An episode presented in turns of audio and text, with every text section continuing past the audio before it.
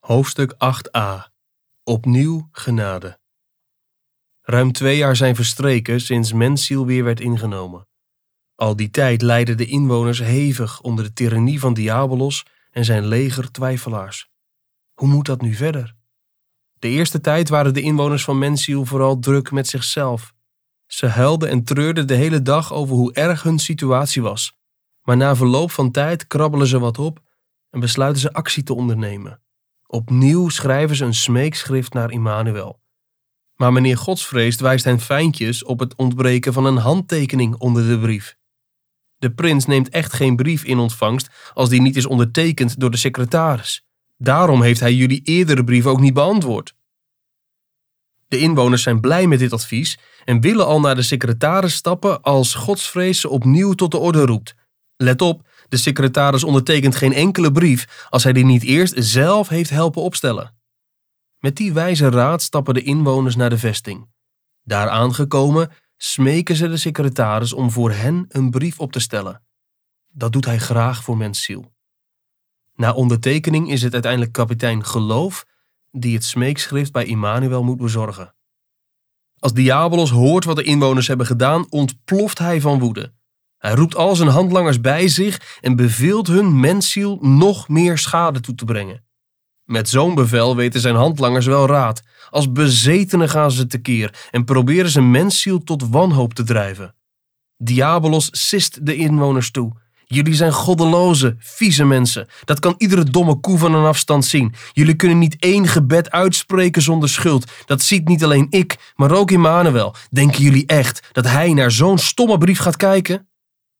Maar de burgemeester van Mensiel staat aan de kant van de inwoners en bestrijdt de woorden van Diabolos. Natuurlijk, u hebt gelijk. We zijn ook verdorven mensen. Maar denkt u echt dat u dit gaat helpen? Immanuel heeft zelf gezegd dat hij degene die tot hem komt zeker niet zal uitwerpen. Hij blijkt gelijk te hebben. Kapitein Geloof keert terug met goed nieuws. Hij heeft niet alleen een antwoord gekregen van Immanuel, hij heeft zelfs voor iedereen een persoonlijke brief meegekregen om hen te bemoedigen. Immanuel spoort iedere inwoner van Mensiel aan om zich over te geven aan het bestuur van de secretaris en kapitein Geloof. Diabolos trekt wit weg. Hij is woedend.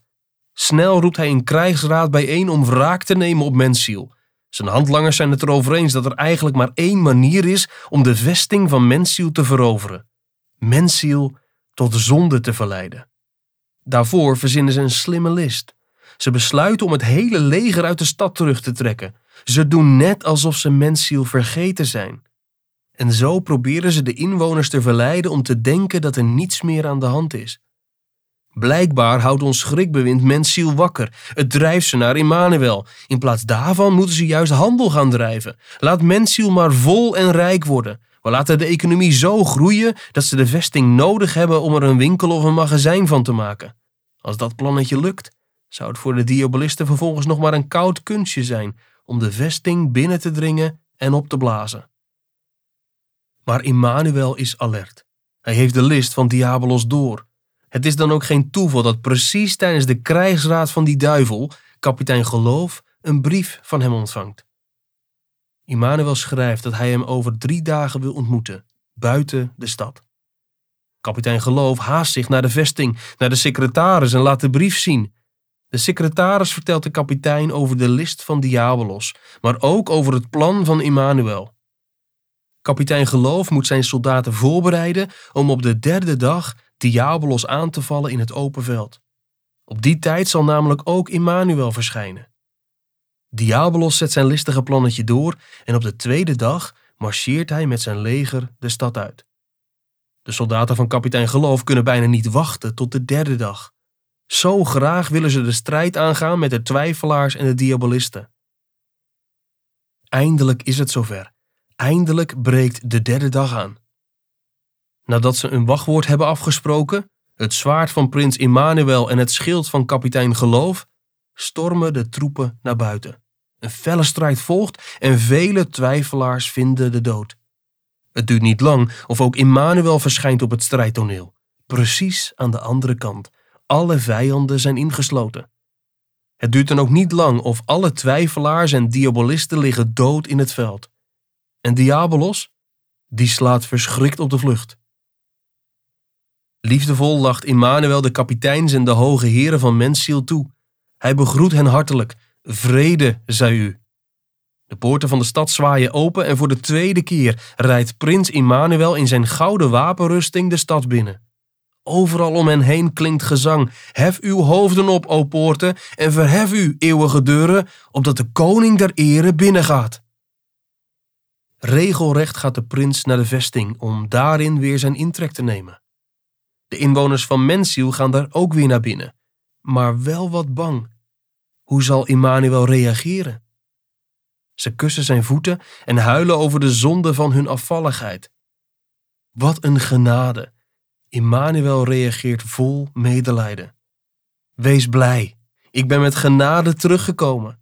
Daardoor zal mijn naam verheerlijkt worden en geprezen. En het blijft niet bij woorden. Nee, Immanuel drukt de inwoners aan zijn hart. De hele stad siddert van vreugde. Eindgoed al goed? Nee, dat nog niet. Diabolos was namelijk vol woede gevlucht. Bij de poorten van de hel aangekomen besluit hij de strijd toch nog niet op te geven. Hij brengt een nieuw leger op de been. Dit keer recruteert hij niet alleen twijfelaars, maar ook bloedwrekers. Dat leger is immens groot en bestaat uit vele onderdelen. Zo is er een divisie onder leiding van kapitein Ismaël, vol met spottende bloedwrekers. Deze soldaten hebben hun sporen verdiend in de strijd en bezitten een grote reputatie. Zelden slaan ze mis met hun zwaard. Het maakt niet uit wie ze tegenover zich hebben, ze slaan iedereen dood, zelfs als het hun eigen vader of moeder, kind of broer is. Andere divisies staan onder leiding van oversten met bekende namen als Saul en Kain. Je kunt je voorstellen dat Diabolos erg blij is met zulke soldaten en kapiteins.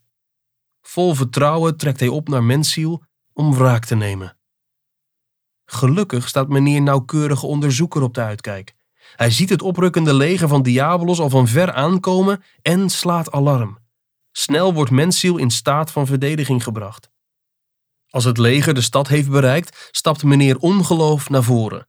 Vol bravoer eist hij Mensiel op. Hij overhandigt een brief waarin dat ook zwart op wit staat. De inwoners worden bang. Ze brengen de brief snel naar hun prins en smeken: Neem onze ziel niet weg met de zondaars, noch ons leven met de mannen van bloed. Immanuel gort zijn wapenrusting aan en loopt naar de markt. Voor de ogen van het hele volk traint hij voor de laatste keer de soldaten van kapitein Ervaring en trekt dan ten strijde. Het beleg duurt niet lang. Diabolos doet wel vele gevaarlijke aanvallen, maar Mensiel verweert zich kranig. Zeker kapitein zelfverloochening wordt moediger en moediger. Met dit gunstige verloop van de strijd doet Immanuel zijn magistrale tactische meesterzet. Hij verdeelt zijn leger in tweeën. De ene helft trekt op tegen het leger van de twijfelaars met maar één opdracht: dood ze allemaal. De andere helft stelt Immanuel op tegenover de bloedwrekers. Zij moeten ze omsingelen en levend gevangen nemen. In een mum van tijd is de strijd beslist. De bloedwrekers sidderen van angst als ze zien dat het leger van Immanuel veel sterker is. Stevig geboeid worden ze naar Immanuel gebracht. Na een stevig verhoor blijkt dat ze uit drie verschillende graafschappen afkomstig zijn. Dat maakt nogal verschil. Bloedwrekers uit de graafschap Blindeman blijken te zijn opgetrokken in het leger zonder te weten tegen wie ze zouden vechten. Nu ze doorhebben dat de grote prins Immanuel hun tegenstander was, beven ze van angst. Als ze dat hadden geweten. Verschillende van hen vallen neer en bidden om vergeving en genade. En kijk, Immanuel pakt zijn gouden scepter en raakt hun lippen aan. Prins Immanuel is ook genadig voor hen. Heel anders is dat bij de bloedwrekers uit het graafschap Blinde Ijver en uit de stad Kwaadwillig. Zij wisten heel goed wat ze gingen doen. Uit haat tegen Shaddai zijn ze tegen Mensiel opgetrokken. Ze gedragen zich buitengewoon brutaal, zelfs nu ze voor Immanuel staan. De prins stuurt hen weg en zegt: Ik zal over jullie recht spreken tijdens het laatste oordeel dat nog komt. Breekt nu eindelijk weer rust aan voor Mensiel? In zekere zin wel, maar toch ook niet helemaal. In de stad heerst vreugde, grote vreugde. Maar Mensiel neemt geen moment rust. Integendeel, de inwoners zijn vastbesloten om nu echt alle diabolisten te doden. Zo worden er verschillende diabolisten gevangen genomen, verhoord en gedood. Wil je weten wie? Nou, wat dacht je van de heren wantrouwen, wetties en verkeerde gedachten over Christus? Of de diabolisten leven op gevoel en eigenliefde? Zo zijn er nog wel meer, maar die zal ik hier niet allemaal opnoemen. Helaas weten meneer ongeloof en meneer vleeselijke gezindheid toch weer te ontsnappen. Mensziel heeft ze nooit meer te pakken gekregen. Gelukkig hebben ze weinig kwaad meer aangericht. Zodra een van die twee werd gesignaleerd, grepen alle inwoners als één man naar de wapens. Zelfs de kinderen van Mensziel deden dan mee en ze grepen stenen. Ongeloof en vleeselijke gezindheid kregen zo geen enkele kans om Mensziel te verleiden. Zo kunnen de inwoners eindelijk genieten van de enorme vrede en blijdschap in de stad. De heilige oorlog eindigt met een toespraak van Immanuel tot Mensziel. Hij vertelt over zijn verkiezende liefde en over zijn trouw. Hij belooft dat hij er zelf voor zal zorgen dat Mensziel niet meer terugvalt. De prins spoort de inwoners aan: laat je niet leiden door je gevoel, maar door het woord. Jullie moeten geloven dat ik jullie voor eeuwig op mijn hart draag. Aan het einde van zijn toespraak blikt Immanuel vooruit op de toekomst van Mensziel. Wat een prachtig plan heeft hij met de stad. Immanuel is van plan om Mensziel helemaal af te breken en dan volledig nieuw op te bouwen in het land van zijn vader, koning Shaddai. Daar zal Mensziel wonen naar zijn raad en wie zijn naam liefhebben, zullen daarin wonen.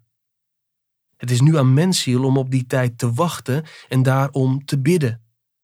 Prins Immanuel eindigt zijn toespraak met de woorden: O Mensziel, wat gaan mijn hart en liefde naar jullie uit. Wees waakzaam. Zie, ik zal jullie geen andere last opleggen dan deze.